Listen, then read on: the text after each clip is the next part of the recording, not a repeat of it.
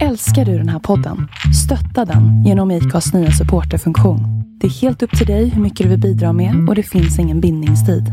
Klicka på länken i poddbeskrivningen för att visa din uppskattning och stötta podden. I'm Sandra, and I'm just the professional your small business was looking for. But you didn't hire me because you didn't use LinkedIn jobs. LinkedIn has professionals you can't find anywhere else, including those who aren't actively looking for a new job but might be open to the perfect role, like me. In a given month, over 70% of LinkedIn users don't visit other leading job sites. So if you're not looking on LinkedIn, you'll miss out on great candidates like Sandra. Start hiring professionals like a professional. Post your free job on linkedin.com/achieve slash achieve today. Hold up. What was that? Boring. No flavor. That was as bad as those leftovers you ate all week. Kiki Palmer here, and it's time to say hello to something fresh and guilt-free. Hello Fresh. Jazz up dinner with pecan-crusted chicken or garlic butter shrimp scampi. Now that's music to my mouth. Hello Fresh. Let's get this dinner party started. Discover all the delicious possibilities at hellofresh.com.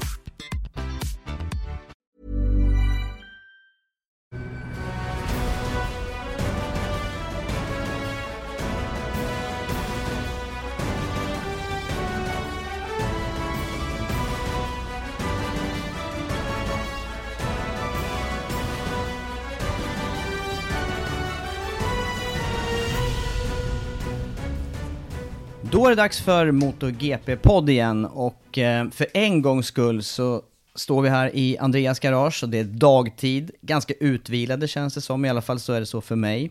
Andreas Mårtensson, hur är det med dig? Det är bra, eh, precis som du säger. Dagtid, det hör inte till vanligheterna. Nej, det gör verkligen inte det. Det är ju extremt svårt att få ihop något gemensamt program för oss, verkar som. Och idag så står planeterna rätt äntligen och, och ja, jag känner mig i alla fall full av energi inför den här podden. Semestertider, så vi, så vi skyller på det, att vi kanske har lite mer tid i alla fall. Jag tror att det är så faktiskt. Ja. Men annars allmänt känner jag mig ganska, ganska trött och det känns att det har gått mycket energi när vi har varit nu på några race i rad här. Och det är, det är en rätt stor skillnad att vara på plats mot att eh, sitta hemma i studio och kommentera. Ja men eh, så är det ju. Eh, nu har vi varit på, på plats här i tre race i rad. Först Mugello, Barcelona och sen eh, Assen i helgen. Och eh, vilka race vi har varit på. Kanonväder. Förutsättningarna har ju knappast kunnat vara, inte för kallt, inte för varmt.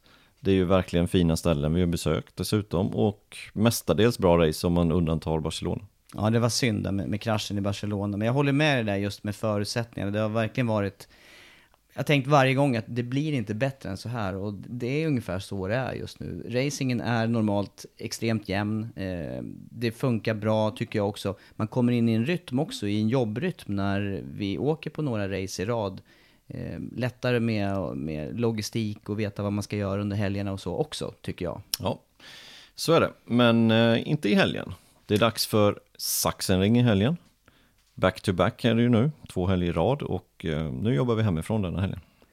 Och sen är det faktiskt sommaruppehåll efter det. Så att den här äh, viktiga perioden som vi har snackat om i en hel del äh, sändningar och poddar, den, den börjar mynna ut nu. Och känslan är ju, och, och, statistiken visar ju att det är Mark Marquez som har haft den här extremt starka perioden på säsongen just nu. Ja. Eller så har de andra misslyckats. Ja, det är väl en eh, kombination skulle jag väl påstå faktiskt. Eh, men visst är det så. Vi ska i alla fall analysera racet på Assen. Vi ska försöka få med någon lyssnarfråga och eh, se om det finns några nyheter att lyfta upp inför Sachsenring och så kika närmare på just Sachsenring då, eh, där det även ska köras Moto-E för första gången. Så ser dagens podd ut. Så jag tänker vi kastar oss in i analysen utav eh, Assen direkt här. Vi gör det. Var vill vi börja?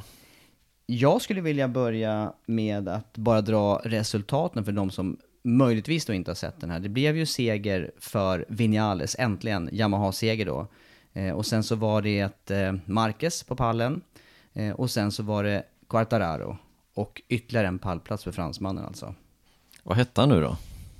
Quartararo. Sa jag rätt nu då? Ja, du sa rätt. Vad bra.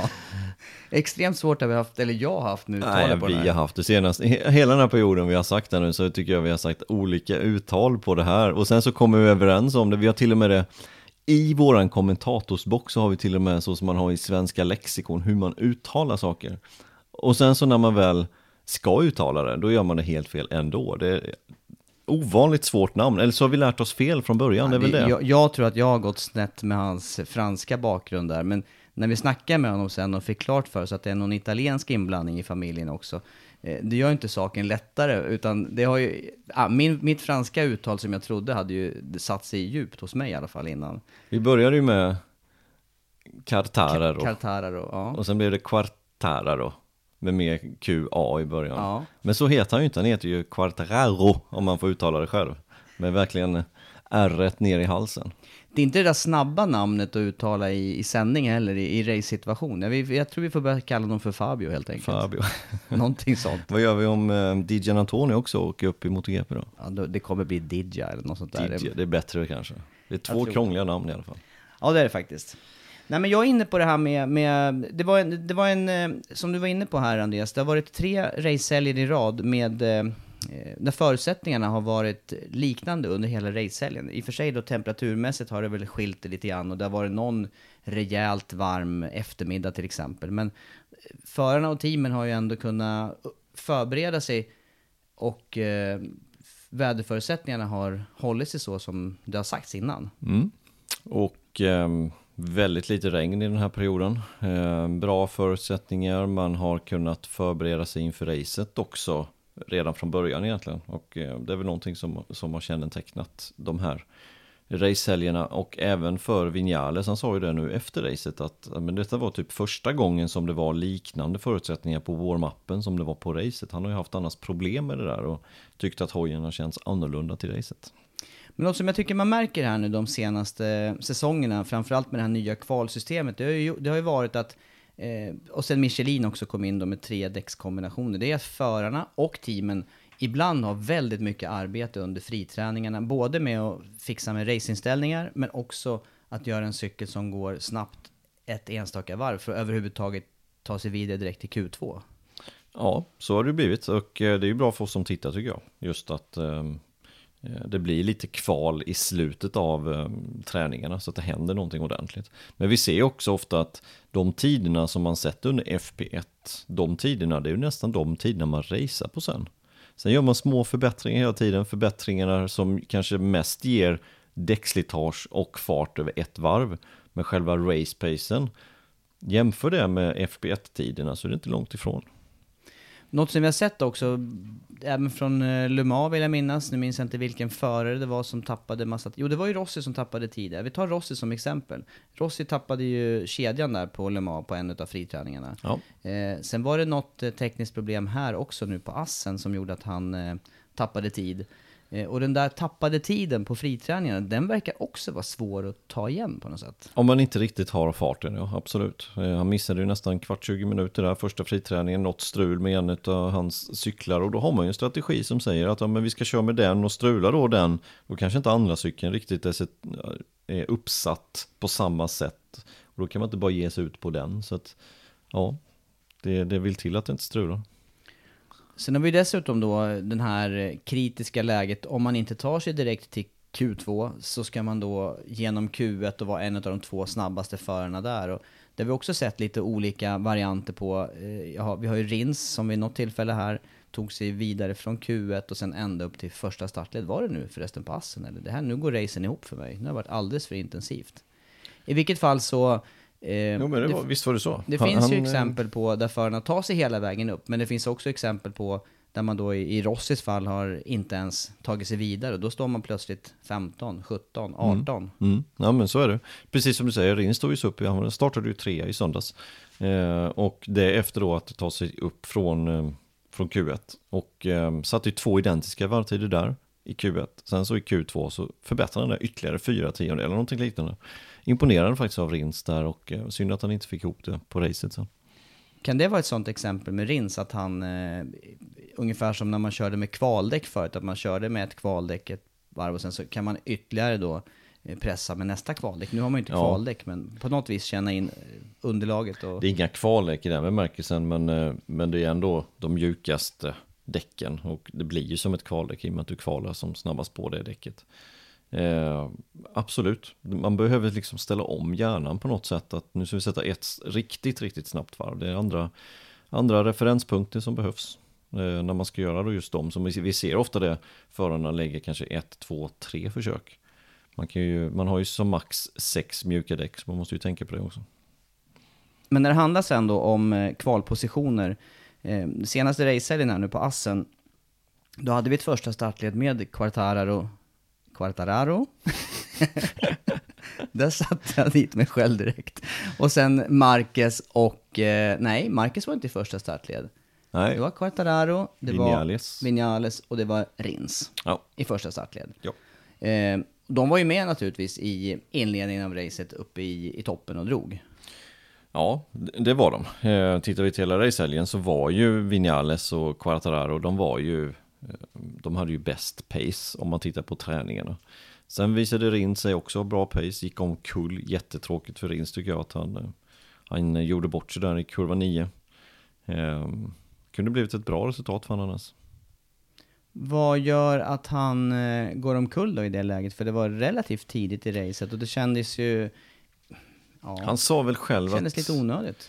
Ja, det, det gjorde det. Men han pushade ganska hårt inledningsvis. Han hade Mir på en andra plats och det fick han ju på sin tavla. Då visste han ju att ja, men då är det kanske de lite upphållna och han vet att han var snabbare än Mir. De har ju ganska bra koll på som teamkamrater. Ehm, och eh, han sa väl själv att han fick lite för mycket bakhjulsåker där mellan kurva 8 och kurva 9. Så han missade sin bromspunkt lite grann. Ehm, ja, och sen han tog i handtaget så gick han omkull då. Tråkigt, tycker jag. För både mästerskapet och för Rins. Ja, för det är också en sån, eh, den kraschen, eh, vi ska komma ihåg då om vi backar ytterligare en racehelg från, till Barcelona där, där gick ju övriga toppförare i mästerskapet omkull. Eh, Och nu blev det, nu fyllde man på då med en, nu fylldes det på med en racekrasch för Rins. Ja, då var han på samma nivå ju där. Ja, det blir ju däremellan. Mm. Han drog inte nytta av den kraschen i Barcelona helt enkelt. Nej. Nej, det var, det var, det var en, eh, ett kostsamt misstag då. Och sen, eh, sen var det ju som du sa där, eh, Mir som tog ledningen ett tag i racet. Det var en väldigt kort stund däremot. Fyra svängar eller något. Blev man stressad eller vad hände? Jag tror han blev det. Det kändes lite så, gjorde det inte det? Att han, Jo, för det blev- oj nu leder jag ett MotoGP-race och han bromsade alldeles för sent in i, i, i, i sista snabba vänstersvängen och, och blev omkörd där av ett gäng förare bakom. Men vad är det för skillnad då som, som förare Ja, och får ju- leda mot att ha, eh, och ligga och Nej men följa? det, det är en annan sak. Man, helt plötsligt när man är i ledningen så, så ser man ingen annan framför sig. Man bara... Nu, nu leder jag race. Det, det är en annan känsla. Det, det går inte riktigt att förklara den känslan. När man ligger i en klunga, två, tre, fyra. Då vet man ju ändå på något sätt att men det här är ledarklungan. Men om man själv leder så blir man... Ja, det är, det är en känsla som är riktigt skön när man kan hantera känslorna när det händer. För man kan ju köra hur långsamt som helst, man leder ju fortfarande racet. Kör du hur långsamt som helst och ligger trea, då tappar du till dem framför. Så att det, det, det, är, det är också en sån här psykologisk grej, att gör man ett litet misstag i ledning, så gör inte det så mycket, för de ligger ändå precis bakom. Är du med på vad jag tänker? Mm, ja, ja, jag försöker sätta mig in i För det här är faktiskt en situation som jag personligen inte har varit eh, ofta i. Oavsett, eh, oavsett typ av race. Ja, nej, men jag har ju kört mycket SM och då har ju de här sakerna hänt några gånger. Men det, det är en speciell känsla att leda ett race eh, när man vet att alla tittar på mig nu och gör ett litet misstag så, så visst jag kan bli passerad men man kanske inte blir passerad. Då spelar, inget, då spelar ju inte det misstaget någon som helst roll egentligen. Nej. Skönt. Jag har, jag har varit i sån här ensamkänsla, men det var på natten på spa i långlopp. Och då var jag så ensam ett pass så att jag trodde, ta mig fan att racet hade rödflaggats, eller att jag hade missat någonting. Regna, såg inte en förare, såg knappt, nej, det kändes, det kändes ödsligt däremot. Och jag hade ingen sån där, jag hade ingen skön känsla i kroppen. Jag var mer orolig att jag hade missat någonting. Har du inte ens lett ett hykartrace någon gång så vet du ju lite hur det känns. Jo, det har jag gjort naturligtvis. Eller, är du säker? Ja, det, det har jag. Jo, det har jag gjort. Jag har väl kört med någon som inte har kört lika mycket kart som du. Nej men det är, det är en speciell känsla, så jag förstår att han eh, helt plötsligt är uppe i ledning, att man gör bort sig. Eh, att alltså hjärtat börjar slå mycket snabbare helt plötsligt och man tappar lite fokus. Nu är det ju, nu är han, han är ju världsmästare i Moto 3, så han vet ju mycket väl hur det känns att leda ett race, men det är ändå på något sätt barndrömmen för alla, det är ju MotoGP. Och när man väl är där och då får leda det racet, det är ju, det var ju synd att han inte fick leda över start och mållinjen för då hade ju faktiskt hamnat i historieböckerna att han har lett ett varv men nu kom det ju inte dit. Nej. Nej, det var... Så nu har han fortfarande inte lätt på pappret. Nej.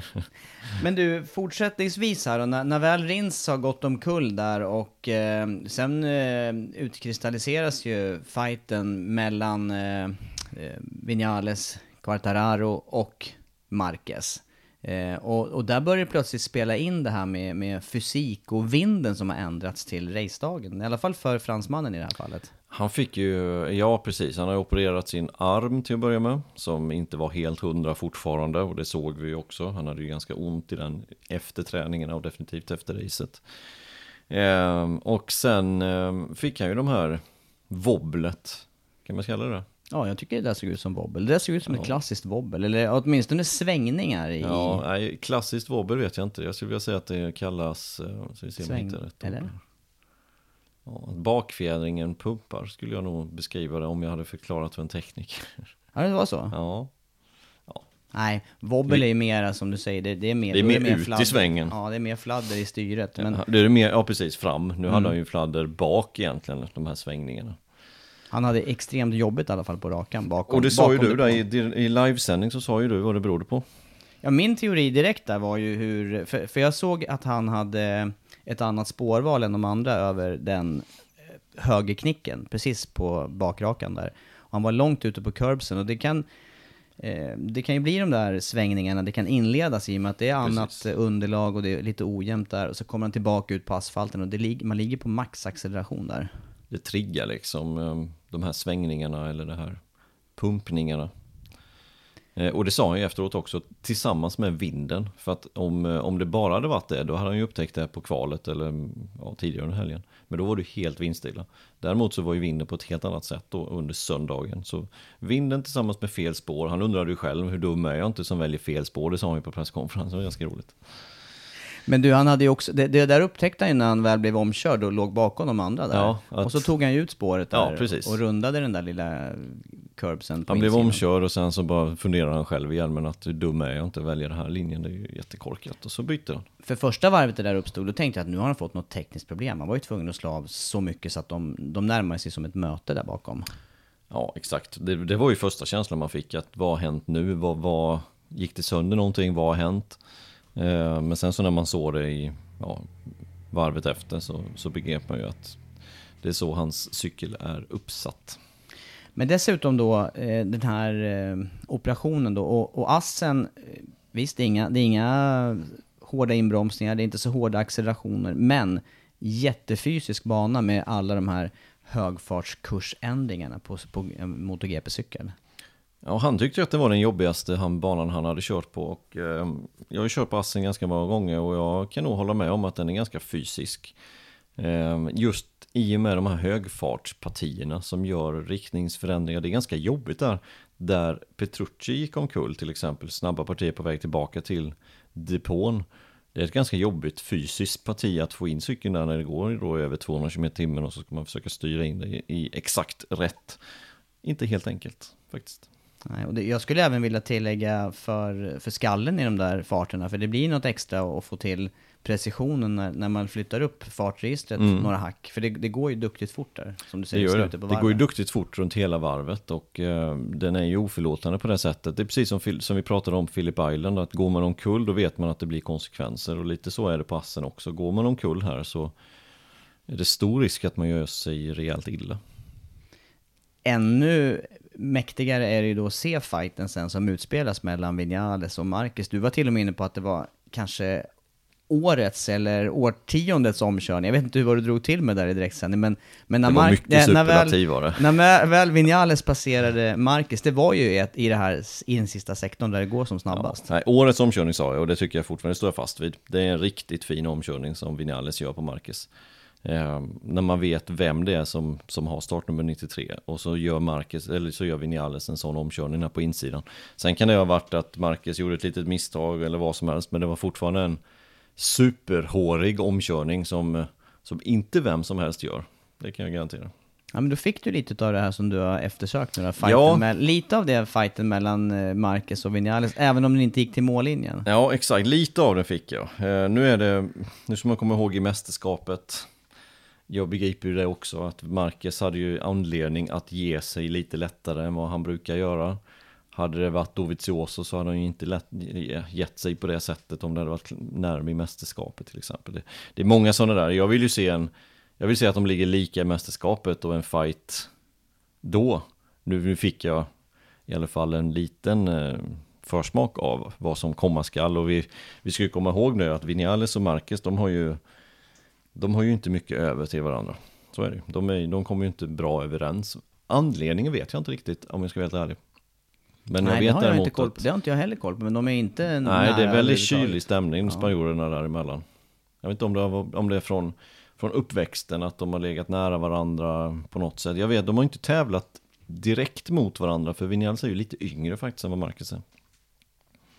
Men fortfarande så är det hård konkurrens och de är inte bra vänner. Så att det och så spanjorer båda två. Och den ene ses som, när han i alla fall kom till Yamaha som up and coming. Medan Marcus då var herren på täppan. Så att, ja, hård konkurrens inbördes. Och så från samma område ungefär då. Vinales från Figuere som ligger norr om Barcelona mot, eh, Servera. ja, mot Cervera då för, för Marcus. Mm.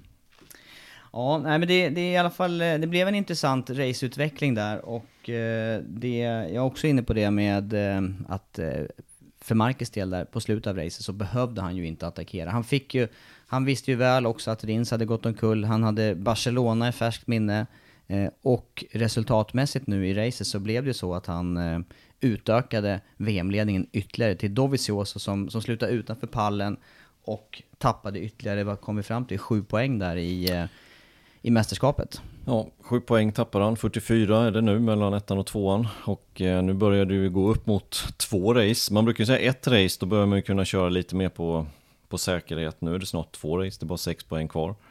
Ehm, nej, tung period för eh, Dovizioso här, sista två racen. Och jag tyckte man såg det i hans blick också efter racen. Det var en ganska tom blick och besviken blick och inte nöjd med, eh, med resultaten just nu. Nej, nej. Och det kan ju inte heller, om, vi får, om jag får gå vidare också till, till Rossi som, som faktiskt kraschade. Han eh, tappade ju också massor i mästerskapet och, och gör faktiskt den eh, tredje raka kraschen i race. Jag vet inte om det har hänt förut. Jag läste någonstans att det hände under Ducati-tiden 2011. Då hade han tre DNFs eh, i rad. Eh, precis som han har nu. Och eh, han har bara tre, tre krascher denna säsongen. Alla de tre krascherna det är de tre senaste racen. Så att, ja, jättetuff juni månad för Rossi alltså. Det är extremt tuff. Och, Och också på banor där han normalt sett skulle kunna hävda Ja, ja. sig bra. Och som man tycker om, det är Mugello, det är, det är Barcelona, det är Assen. Det är liksom tre av hans kanske absolut bästa banor på hela kalendern. Skulle med, med stolpe in istället kunna varit eh, pallplatser eller åtminstone platser i, åtminstone i topp fem. Ja, Rakt igenom. Ja, rakt igenom, absolut. Och sen så kommer ju alltid det här när Rossi gör några dåliga resultat, då kommer ju alltid de här diskussionerna. Håller på att tippa över, är han för gammal? Och jag, ja, tycker jag har hört de där diskussionerna nu i tio år känns det som. Och jag tycker samtidigt inte att det stämmer. Nej, det tycker inte jag heller, det är det som är grejen. Men de här, just de sakerna kommer ju också utav de här dåliga resultaten. Och på något sätt måste ju det också, jag vet inte, sätta sig på honom vet jag inte om det gör, men att diskussionerna ens uppstår känner jag är bara tröttsamt. Kanske där, jag tror om man vänder på steken för Vinales del så var nog det här raceresultatet eh, viktigare i positiv bemärkelse än vad Rossis tre krascher är för honom i negativ bemärkelse. Alltså jag tror att eh, pendeln, eh, viktigt, viktigt resultat för Vinales och viktig racehelg för honom nu senast. Väldigt viktigt. Eh, nu har han tagit Yamahas två senaste segrar, Phillip Island och, eh, och här. Så att, eh, nej men absolut. Eh, viktigt för både Yamaha och för Vinales faktiskt att kunna visa sig på den här sidan som man gjorde här nu hela helgen egentligen. Och tillbaka lite till Rossi. Rossi är fortfarande bästa Yamaha i mästerskapet. Även fast nu börjar det krympa såklart då med tre nollor. Han har fem poäng till godo till Quartararo. Och han har då två ytterligare poäng, alltså sju poäng ner till Vinales. Så det är klart att tittar man på en Rossi jämfört med Quartararo som gör sina åtta första race i MotoGP någonsin och det skiljer fem poäng så ja visst, det går ju att diskutera allting. Men faktum kvarstår att han är fortfarande bästa Yamaha. Mm. Och i mästerskapet, då, eftersom du är inne på det då, Marquez drar ifrån i eh, VM-ledningen, eh, 160 poäng har han nu. Eh, och sen då eh, skulle jag också vilja lyfta, han, han har ju verkligen haft, eh, han har ju både haft farten och turen med sig här nu att konkurrenterna har kraschat de senaste racehelgerna. Mm. men dessutom då, som du är inne på här också, Quartararo och hans framsteg.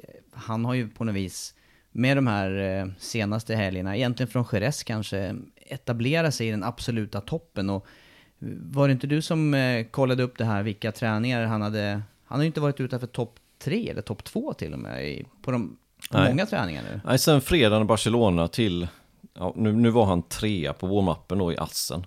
Vilket berodde mycket på att han hade tekniska problem här de första sex minuterna, sju minuterna. Eh, men han har alltså inte varit utanför topp tre nu då på någon träning överhuvudtaget då sen på, ja, på två racehelger. Så att det är klart att eh, han går ju från klarhet till klarhet, det är inget snack om den saken. Och så då Sachsenring, kanske lättare, går i vänstervarv där, men jag vet inte. Och sen i alla fall Nej. sommaruppehåll. Det är, det nog det. bra. Det är nog bra för, eh, för de som åker lite småskadade. Sen, jag också hörde det där resonemanget, ja men nu kommer vi till Sachsenring, den är lite lättare. Jag har ju kört mycket både på Sachsenring och passen. Jag tycker ju mer att Sachsenring är jobbig, alltså för den, det, är, det är så mycket vänster så att det är en statisk åker. Ja, det är statiskt. Det, det, det, man blir jättetrött i framförallt Visst, han har problem med en arm så att jag blir mest trött i benen där, liksom hålla sig kvar egentligen. Men det är ingen, det är ingen lätt bana att köra på. Nej, jag också. Jag har bara kört ett enda race där, men det är ju ingen vila det finns Nej, ju ingen vila någonstans ingen där. vila. Det finns ingen riktig raksträcka att vila på. Och Nej. raksträckan, den är ju, då går det på bakhjulet upp där över Ja, precis. Det är det som är grejen. Och sen är det, sen är det strax dags att bromsa. Och sen nerför, nerför vattenfallet där, som det, alltså det är ju ingen vila där, utan där gäller det bara att hålla i. Hålla, hålla alltså mycket vikt fram på framhjulet så att man inte tappar framhjulet där i, i högen nerför backen och sen, sen är det dags att bromsa direkt. Så att, ja. ja. det är ingen, eh, ingen lätt bana. En annan sak bara som jag såg det först på Twitter, sen såg jag faktiskt MotoGP gjorde någonting eh, kul utav det också. Vad var det då? Jämfört med Formel 1. Mm. Vinales vann i Australien senast. Då vann Verstappen i Mexiko. Nästa seger för båda de här förarna kom i söndags. För Vinales passen, då vann Verstappen på Red Bull Ring. Och båda har initialerna MV. Mm -hmm. Ja, du ser, det går att hitta statistik på det mesta där. På allt. Ja, ja intressant. Ja, det var bra, det, var bra. Det, det, såg jag de här eh, avslutningsvarven med Verstappen och Leclerc, visst var det så? Ja, ja vi tog, du såg ju det tillsammans med mig där på, ja. i loungen när vi var på väg hem och du ja, sa ju bra. direkt där att så måste man väl få göra. Jag trodde ju det, att man skulle få göra sådär. Och fick han inte det då till slut? Jo, det fick han. Men, men jag, var inte, jag ska säga, jag har inte full koll på det där med bilreglerna, men, men eh, det var ju inte Förstappen som var utanför banan, om man säger så. Jag hade ju, jag hade ju typ slagit av om jag var utanför där. Men det kanske man inte gör. Ja. Det var ju asfalt också. Det var asfalt också, ja. Ja. nej, det där är ju jättestort samtalsämne. Jag tycker också att... Eh, hade det varit en gammal bana med gräs utanför, då hade man ju slagit av. Då hade man ju slagit av, ja. Ja, ja nej, det, det får de avhandla i F1-podden tycker ja, jag. Det... Jag, de, jag. jag. vet att de har släppt ett nytt avsnitt den här veckan som går igenom det här. Jag dock inte lyssnat på den, så jag vet inte vad deras eh, konklusion av eh, den här incidenten är. Nej, jag tycker jag. bara att de är inte konsekventa. Det tycker jag. Jag är helt lekman på det här, men, jag, men spontana intrycket var att det där kändes ju okej okay för mig i alla fall. Ja, men eh, då har vi den här Fettel, nu blir det helt plötsligt en F1-podd här, det var inte meningen, men Fettel Hamilton-incidenten för bara några veckor sedan i Kanada, som inte var okej. Okay.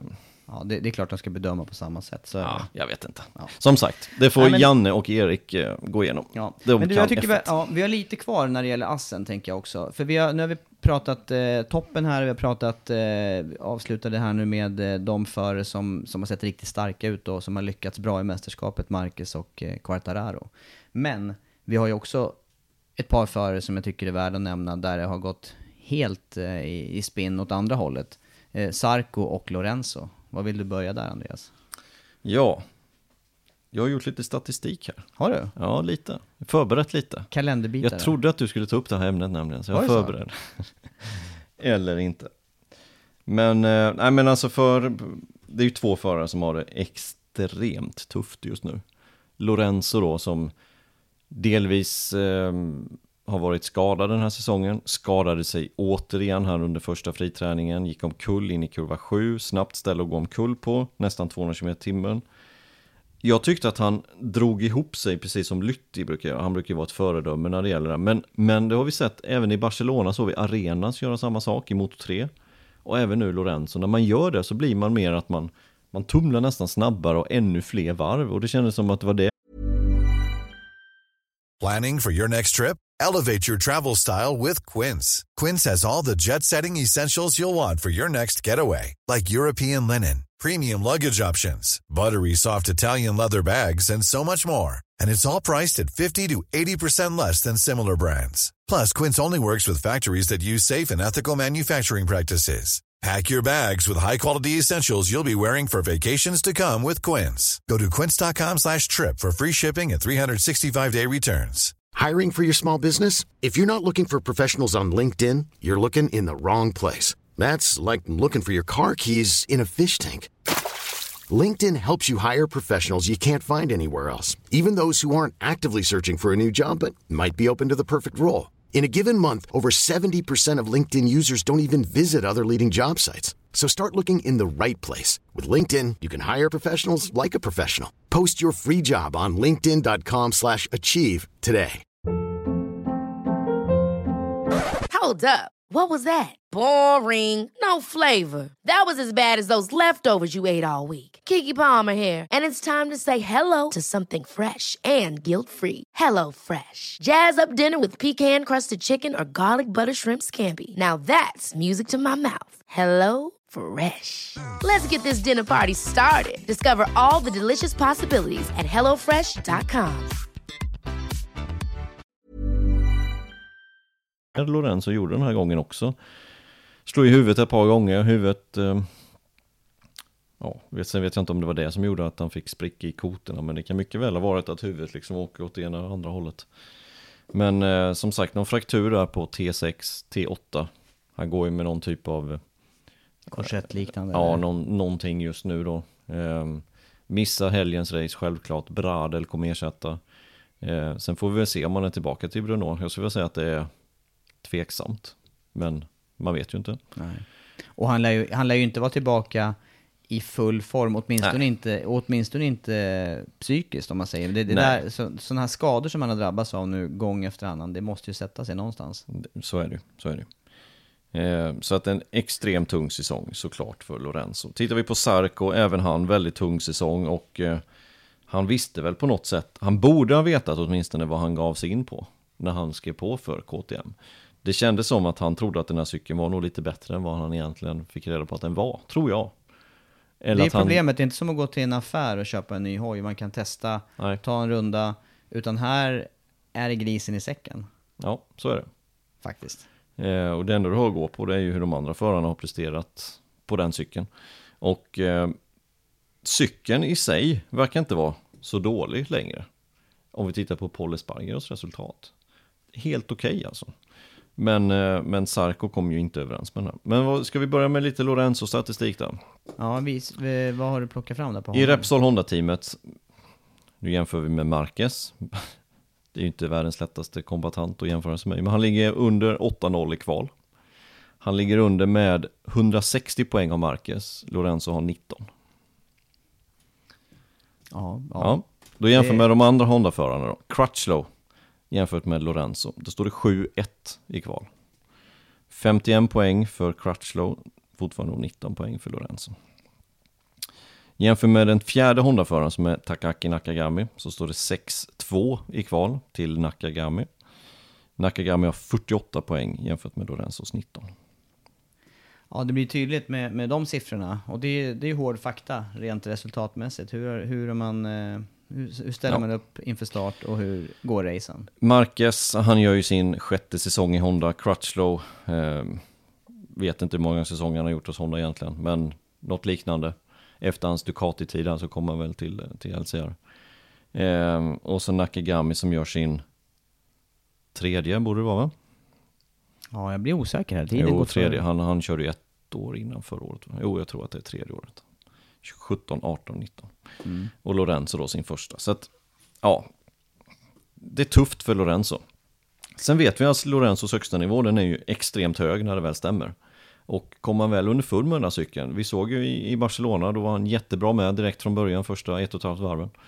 Eh, men som sagt, detta är numren just nu då. Men jag tänker bara stoppa upp det där lite grann med, med den här kraschen då, som han gjorde nu i, på Assen. Eh, och, och vad han gör med kroppen där. Ibland, eh, vi har sett det som du säger, att, att man har börjat tumla när man håller ihop kroppen. Men, men det normala är ju ändå att försöka att inte få med armar och händer ut i kraschen. Mm. Men, men eh, hinner man som förare reagera då på... För för det hänger också lite ihop med underlag här. Han kommer ut i, i grus då istället för att kana på asfalt till exempel. Så är det. Tittar vi och jämför med Petruccis krasch lite tidigare under samma pass där, så var det ju bara asfalt egentligen och sen kom han ut i gruset lite grann och stannade. Jämför med Sarkos krasch, han gjorde också en krasch där i kurva 7 och han tumlade lite mi- mindre. Eh, men riskerade själv istället då att arm eller ben hade brutits, men han klarade sig också helt oskadd. Så att jätteoflyt skulle jag säga för Lorenzo att han åkte på den här skalan som han gjorde. Ibland ska vi ju tillägga också så skiljer ju sig eh, sammansättningen ute i sandfållorna, där vad det är för typ av grus och hur, hur pass packat det är när man väl, när man väl Ja. far ut det där. Ja.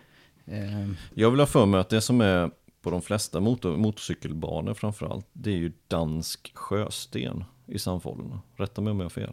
ja, jag har hört det också tidigare. Jag vet inte om det är det på alla ställen, men... eh, Jag tror att det är på väldigt må- många ställen så är det dansk sjösten. Ja, i alla fall. Ja, nej det var, det var extremt olyckliga konsekvenser för Lorenzo i alla fall och, och som jag är inne på din linje här, alltså det här, både statistikmässigt och eh, i hans huvud så tror jag att det här är en eh, riktigt tung period för hans del just nu. Ja, väldigt. Även väldigt. jämfört med Ducati-tiden. Det tror jag också. Jag, jag skulle vilja säga att det är en tyngre period eh, just nu för Lorenzo än vad det var första året hos Ducati. Skulle jag också säga. Ehm, så vi går över till Sarko då. Ja, Eh, Sarko, han ligger under med 8-0 i kval till Paul Espargaro. 52 poäng för Espargaro, 16 poäng för Sarko. Ja, det säger också en hel del. Jag, jag tänker eh, utklassat. kvalmässigt här och, Ja. men, och där har vi ju också samma jämförelse att göra med, med tid hos KTM för Paul Espargaro som har varit med sedan start där. Sarko helt ny och, Ja. och egentligen inte så mycket MotoGP-erfarenhet heller. nej. Men då är det kanske intressant i den nästa jämförelse med Oliveira som gör sin första säsong i KTM, första säsong i MotoGP då. Eh, han var inte världsmästare i Moto 2, han blev tvåa förra året. Där står det 4-4 i kval. Sarko mot då satellitförare Oliveira. 15 poäng för Oliveira, 16 poäng för Sarko. Så de är ju, skulle jag säga, väldigt, väldigt lika. Det är mera uppseendeväckande kanske. Ja, Att, att just eh, Oliveira är så pass vass då. Men, men hur tänker KTM här nu då i det här läget? Och är det så att man eh, eh, redan nu tittar efter en ersättare? Men Sarko har ju samtidigt kontrakt över nästa säsong också. Och, och vem ska i så fall ersätta? Ja, så vi tar nästa, nästa jämförelse också innan vi Har går du vidare flera? till det. Har du flera ja, men jag, jag bara jämför med Syarin också som är den sista KTM-föraren. Syarin som jag tycker inte har motsvarat alls förväntningarna, åtminstone i inledningen av säsongen. Sen har det blivit lite bättre här nu de sista två, tre racen. Men där leder faktiskt Sarko med 8-0 i kval jämfört med Syarin då. Eh, Syarin har bara tre poäng jämfört med Sarko 16. Så att Syarin klart bättre, Oliveira likvärdig, Paul och mycket sämre. Så skulle jag eh, säga på dem. Eh, Betyder att det är problem för Sarko helt enkelt? Eh, både för honom Ja. själv, men jag tänker även från KTMs sida. ja, och jag tror inte egentligen att resultaten är ju en, en del såklart, självklart. Men jag tror också att det är hans kommentarer, hans eh, approach lite i depåboxen, hans suckande, hans eh, sådär som man ser utåt åtminstone. Det hjälper inte honom. Inte internt. Nej, det, hjäl det hjälper ju varken honom eller bilden av honom heller som, som eh, KTM eller som teamet har. Det är ju väldigt Nej. lätt att den här spiralen byggs på och blir, Ja. blir djupare, Precis. mer negativ. Så att, ja, eh, jag skulle vilja säga att eh, Pedrosa nu kan vara den som kan rädda Sarko från det här. Pedrosa som kanske kan komma med samma feedback. Köra på ett ungefär samma sätt som Sarko. Men skulle det visa sig under test här, och, och det kan ju inte vi utomstående veta, men, men eh, det vet ju KTM-teamet. Skulle det visa sig att Pedrosa också på något sätt, inte utklassar, men en snabbare konsekvent under testerna än vad Sarko är. Tror jag det blir ett problem för Sarko att behålla sin styrning till nästa år. Det är ju bara att backa till fjolåret. Jag är ju övertygad om att hade man petat in eh, Kallio på den här styrningen så hade ju han gjort bättre ifrån sig under året. En Sarko? Ja. Absolut. Det är jag helt övertygad om. Så att det, ja, det, det, det finns ju exempel redan eh, historiskt, där Ja. det bara backa något år. Men, men, eh, Men det här då, är ju- men, men mm. eh, kan han behålla sitt kontrakt då? Ja. Full, fulla tiden ut? Ja, det- jag skulle säga att det är tveksamt. Som jag känner KTM så är inte de som har de mest eh, tålamod med olika förare. Vi kommer ihåg Bradley Smith, de gjorde allt vad i sin makt för att bli av med honom tidigt. Blev inte det för att han hade ett vattentätt kontrakt. Eh, istället så tog de ett snack med honom och sen så blev det bättre efter det. Det var väl för två år sedan tror jag och sen körde han ju förra året också. Men vi vet ju att stämningen eh, mellan ledningen i KTM och, och Smith var ju allt annat än bra. Och Smith gick ju också till Aprilia nu och inte blev testförare för KTM. Det tyder ju också på att det var inte speciellt bra däremellan. Ehm, så jag är lite osäker på Sarkos framtid. Vi får väl se här. Han måste ju prestera bra här efter, eh, efter sommaren, skulle jag alltså påstå. Han har ju tyvärr inget bra förhandlingsläge gällande andra styrningar heller då med, med de här två senaste, eller den senaste periodens resultat. Nej, för att KTM har ju förare att kunna ersätta Sarko med. Det är, det är ett, för KTM så är det ett mindre problem. De har Brad Binder som är den naturliga ersättaren till, kanske inte till Sarko, utan kanske till Oliveira istället. Att Oliveira i så fall tar steget upp till fabriksteamet och att Binder kommer in där. Sen är frågan vad de ska göra med Syarin, för jag tror inte Syarin heller ligger så jättebra till KTM, men det är en annan femma.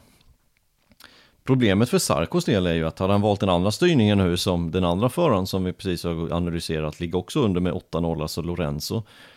Tveksamt om de vill ha Sarko i det här läget. Nej, jag är också inne på det, men, men hade han valt annat i, eh, i det läget, Sarko, alltså hade han valt Honda tidigare, då hade han ju kanske kunnat falla neråt i, i rankingen i team. Ja, exakt. Nu har han ju redan hamnat långt ner på något sätt. Så jag, jag, jag tror inte, om nu Repsol Honda, mo- där känner jag mindre risk egentligen att Repsol Honda skulle spola Lorenzo.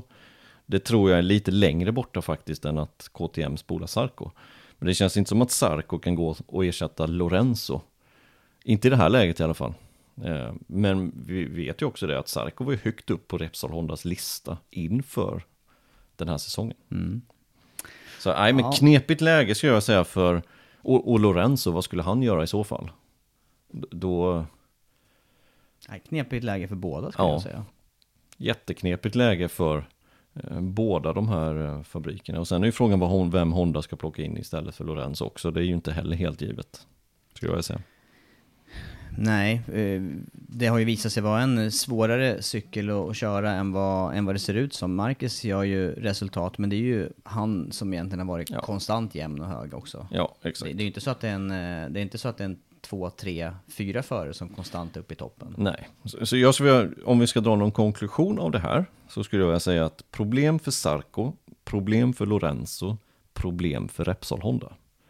De som har minst problem skulle jag säga är KTM i det här läget. Mm. Ja, intressant. Jag tycker vi kan släppa Assen och, de här eh, analyserna. Det här var, det, det var intressant att höra dina tankar kring, eh, kring de senaste racen och läget i eh, mästerskapet. Och förarna och teamen. Det blev mycket här på en gång. Ja, Ska vi bryta av med en eh, lyssnarfråga? kör. Eftersom du är sån eh, fantastisk analytiker Andreas, så tror jag att du, ja men tippar vi, då har ju du ofta Jag fler. tre av fem i helgen på rätt plats. Ja, det var jäkligt bra. Jag säga hade. Vinales, Marquez och Dovi på fjärde hade jag. Ja. Mm. Ja, det var bra. Ja, men jag Det höll kvar min tippning från inför helgen. Det var så. Så funkar det för mig. Om man har Ja. sagt en tippning, då har, man inte, då har jag inte ändrat Just på det. det. Eh, men, men det är klart att man kan ju lusläsa listor och annat lite mera. Men det är, det är ingen riktig lyssnarfråga. Det är det vi ska komma in på. För att eh, vi har nämligen fått, eh, eh, vi har fått in eh, tips, ska vi säga, synpunkter eller idéer. Eller att man saknar det här att vi har tippat just topp tre i våra poddar. Nu ligger de mellan racen här, så det, ju, det här är ju det svåraste läget. Här är det ju lite mera kasta upp en klunga förare i luften och se vilka som hamnar på hjulen. I, Ja. Lite så är det ju. Ja, Men, så men det. inför Sachsenring, en tippning, det blir, det blir eh, lyssnarfrågan den här gången.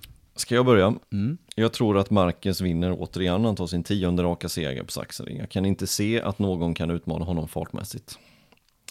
Ehm, så Marquez, det är lägst odds också på honom, så att eh, ska man ha något rätt här så är det väl lämpligt att tippa så.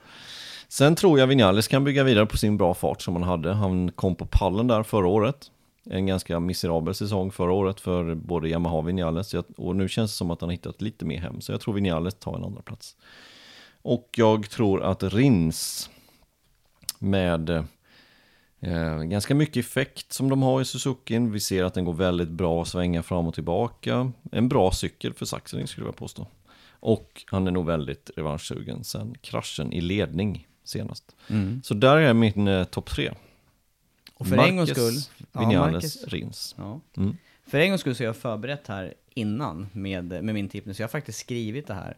Så ni får inte tro att vi har snackat ihop oss innan. Men Marcus har jag i, eh, på första plats också. Samma, samma argument eller samma tankar som du där. Att vem ska slå honom på Saxening? Det har sett, eh, det har sett kassaskåpssäkert ut. Till och med när han var lite pressad ett taget av Folger där för ett par år sedan. Så fortfarande då, och trots att det var två Yamaha bakom förra året som var dessutom ganska tätt efter, bara ett par sekunder då med Rossi och Vinales.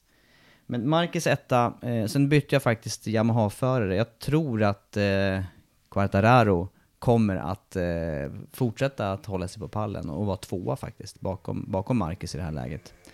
Eh, och trea Rins. Och där stod jag och vägde lite grann mellan Vinales eller Rins. Eh, tänkte också att, eh, att revanschlustan för Rins kommer att lyfta honom ett hack här. Så säkerligen då Fabriks Yamaha Ja. utanför. Det har varit jättekul om Quartararo kunde göra så som du säger här. Jag tror dock att ja, två pallplatser i rad, två pole positions i rad. För bra för att... Ja, det, börjar bli lite för bra för att vara sant där, men en tredje pallplats också. Du vet ju det, så desto bättre det går, desto närmare är ett sämre resultat. Ja, det kanske är lite önsketippning från mitt håll. Jag tycker det är roligt att han, att han är med och utmanar och verkligen rör om i, i toppskiktet här. Tycker jag också. På, på spesen då, den sämsta Yamahan dessutom. Så nej, men jättekul är det att, eh, att det har gått så pass bra. Mm. Och för Petronas-teamet, självklart. Ja, det blir, eh, vi gör inte mer utförligt på den punkten, men däremot, eh, eller däremot, vi måste ju ta lite kring Sachsenring, men dessförinnan, nyhetsfronten, det som, det som jag tycker vi kan eh, trycka på nyhetsmässigt, det är att det faktiskt äntligen kommer att dra igång ett Moto E-mästerskap, och det kommer att bli in, till helgen nu i Sachsenring. Ja, det är lite försenat kan man väl säga efter den här storbranden. Var det i mars där allting eh, brann, brann upp. Eh, hospitality och garage och tält och hojar och laddstationer och skinställ och rubbet som eh, rök med i den branden i Jerez. Lite skumt egentligen att allt var på samma ställe. Ja, Nej, Det är, någon, det var, det är Det är min det, Ja, det har varit min tanke hela tiden.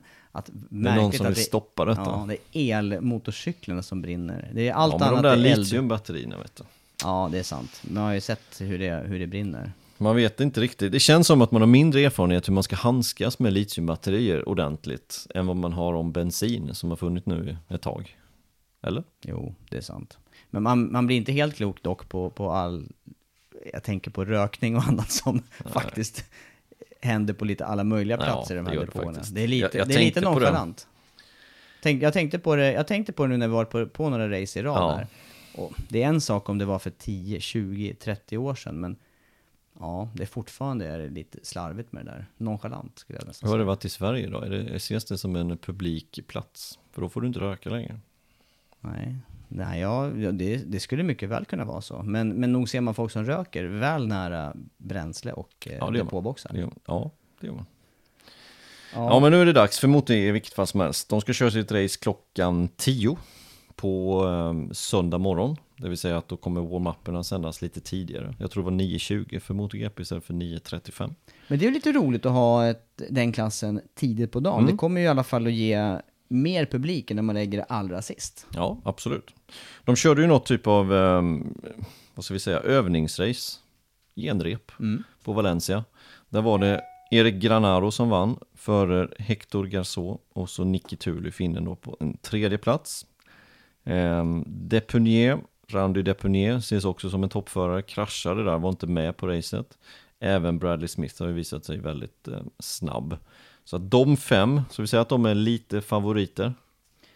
Ja, det tycker jag. Och det är alla för med, eh, med GP-erfarenhet. Det är ju det är faktiskt eh, det är roligt att se att man har fått med eh, Dels är det spridda åldrar och med många med, med bra erfarenhet som kommer att köra det här mästerskapet. Sete Gibinau.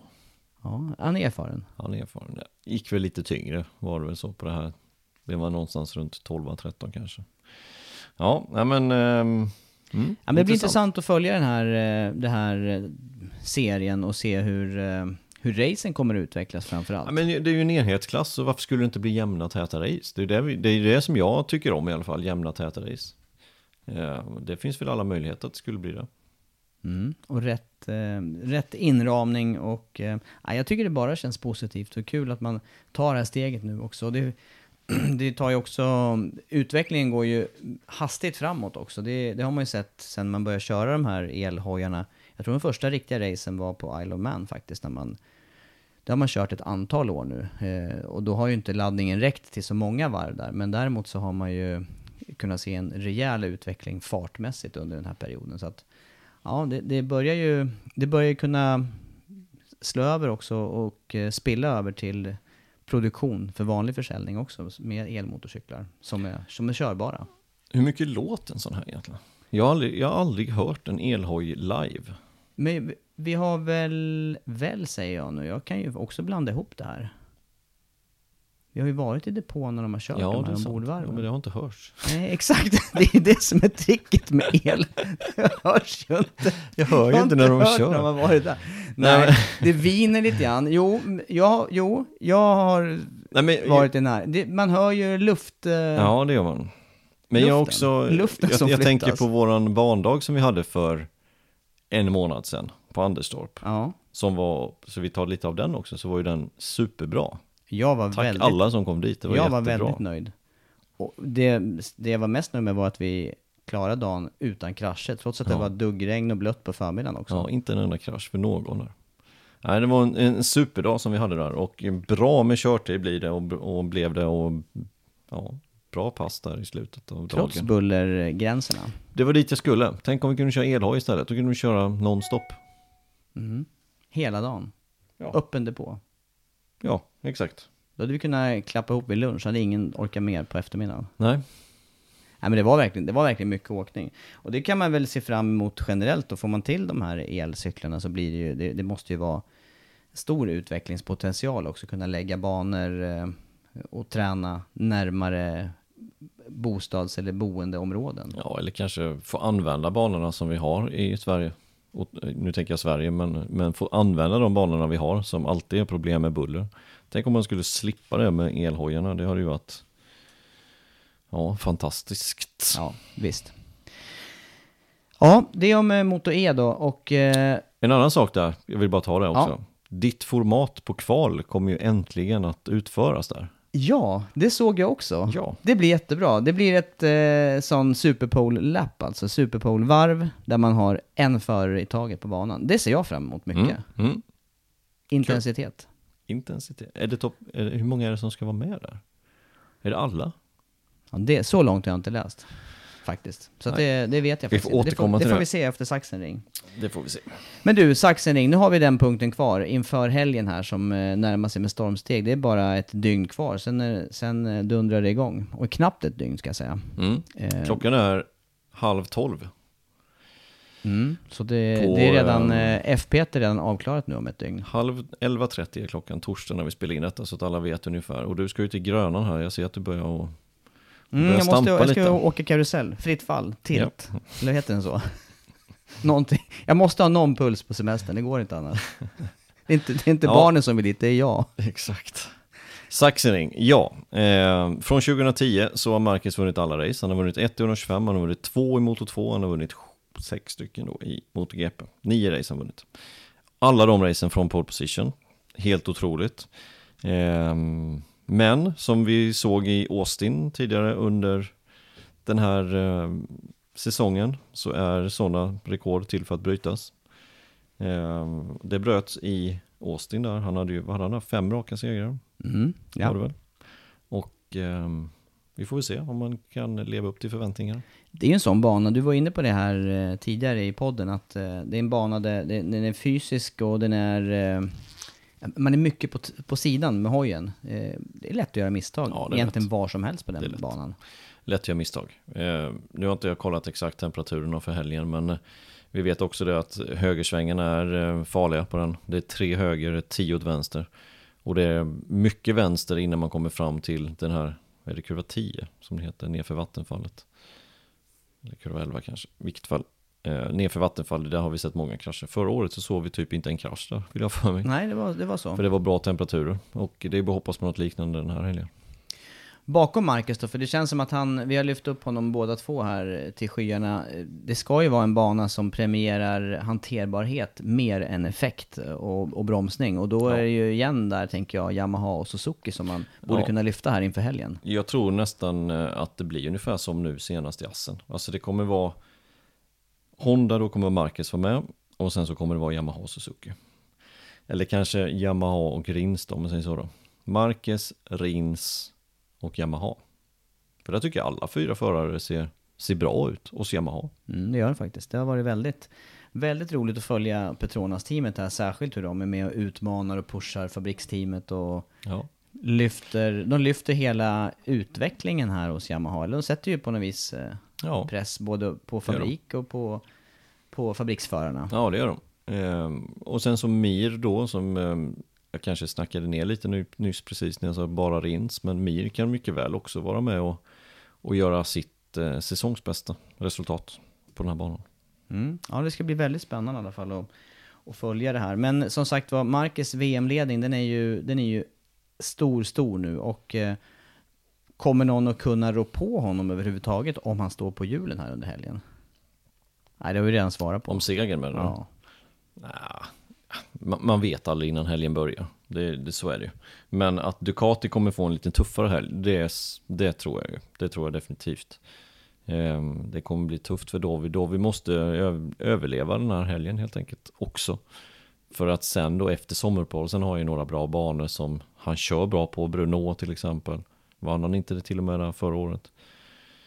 Tror och sen, jag. Ja, och sen har vi Och sen har vi Red Bull. Ring när de Mm. har vunnit alla racen, Ducati. Så att, eh, ja, de, han behöver överleva det här, den här helgen och för hans del så har det ju varit klockrent om Marcus nollade självklart. Men ja, det är ju så. I alla fall en, en, eh, ett välbesökt evenemang, ett, eh, ett av de stora publikmässigt också och eh, ja, det, är- det är ett ställe där, där det kommer riktigt mycket fans. Det, det präglar Ja. hela det eventet. Det är inte någonting annat som sker utan det är det, är det, Det är som det. sker runt banan Ja, och i är allra, när, allra närmaste närheten där. Ja, så är det. Det är mycket, mycket precis som du säger, fans är det. Det är det som kommer till Saxning. Det är, det är ett coolt ställe att vara på tycker jag också. Mm. Ja, känns det som att vi har eh, tömt ut det vi har, den här eh, podden? Ja, jag tycker en, en grej bara, som vi var inne på, när vi var inne på, pratade Rossi. Morbidelli Rossi. Morbidelli sa ju där faktiskt efter racet att när Rossi upplever vissa typer av problem, har en tung helg, då har han oftast en tung helg också. Kan vi faktiskt se resultaten. Det var ju ingen klockren helg, det var ju Vinales och Quartararo som var bra den här helgen, medan Morbidelli Rossi hade tufft. Tror du vad det beror på? Körstil ehm, Ja, men vad är det som skiljer då? Jag kan inte riktigt peka på exakt vad som skiljer mellan Morbidelli och ja, Quartara. Nej, nej det, det, går inte, det kan man ju nog inte se på med blotta ögat där. Nej. Men det, nej. det jag tycker vi har lyft i alla fall i eh, gällande Quartararos del har ju varit hans, eh, på något vis, eh, lugnhet i sadeln och... Obryddhet. Ja, dessutom. Det verkar som att han som sagt han sätter sig på det som är och så kör han och kanske vi, det kanske är en sån sak som eh, han, har, han har minst press på sig överhuvudtaget av de här fyra. Så, eh, så kan det absolut vara. Morbidelli har ganska hög press på sig nu. Värvades som toppförare egentligen, eller tänkt toppförare och försteförare in i teamet. Och det har ju inte riktigt blivit så. Nej. Vad har vi eh, Morbidelli? Han har 45 poäng jämfört då med Quartararo som har 67.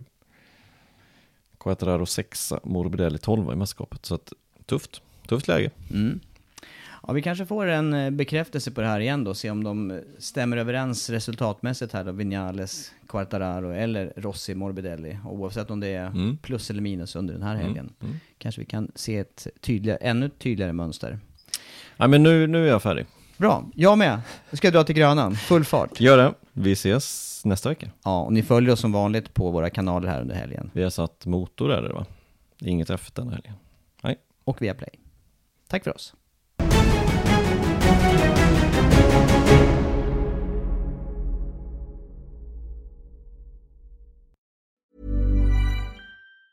Hi, I'm Daniel, founder of Pretty Litter. Did you know cats tend to hide symptoms of sickness and pain? I learned this the hard way after losing my cat, Gingy. So I created Pretty Litter, a health monitoring litter that helps detect early signs of illness by changing colors, saving you money and potentially your cat's life. Pretty Litter is veterinarian developed, and it's the easiest way to keep tabs on your fur baby's health right at home. Go to prettylitter.com and use code ACAST for 20% off your first order and a free cat toy. Terms and conditions apply. See site for details.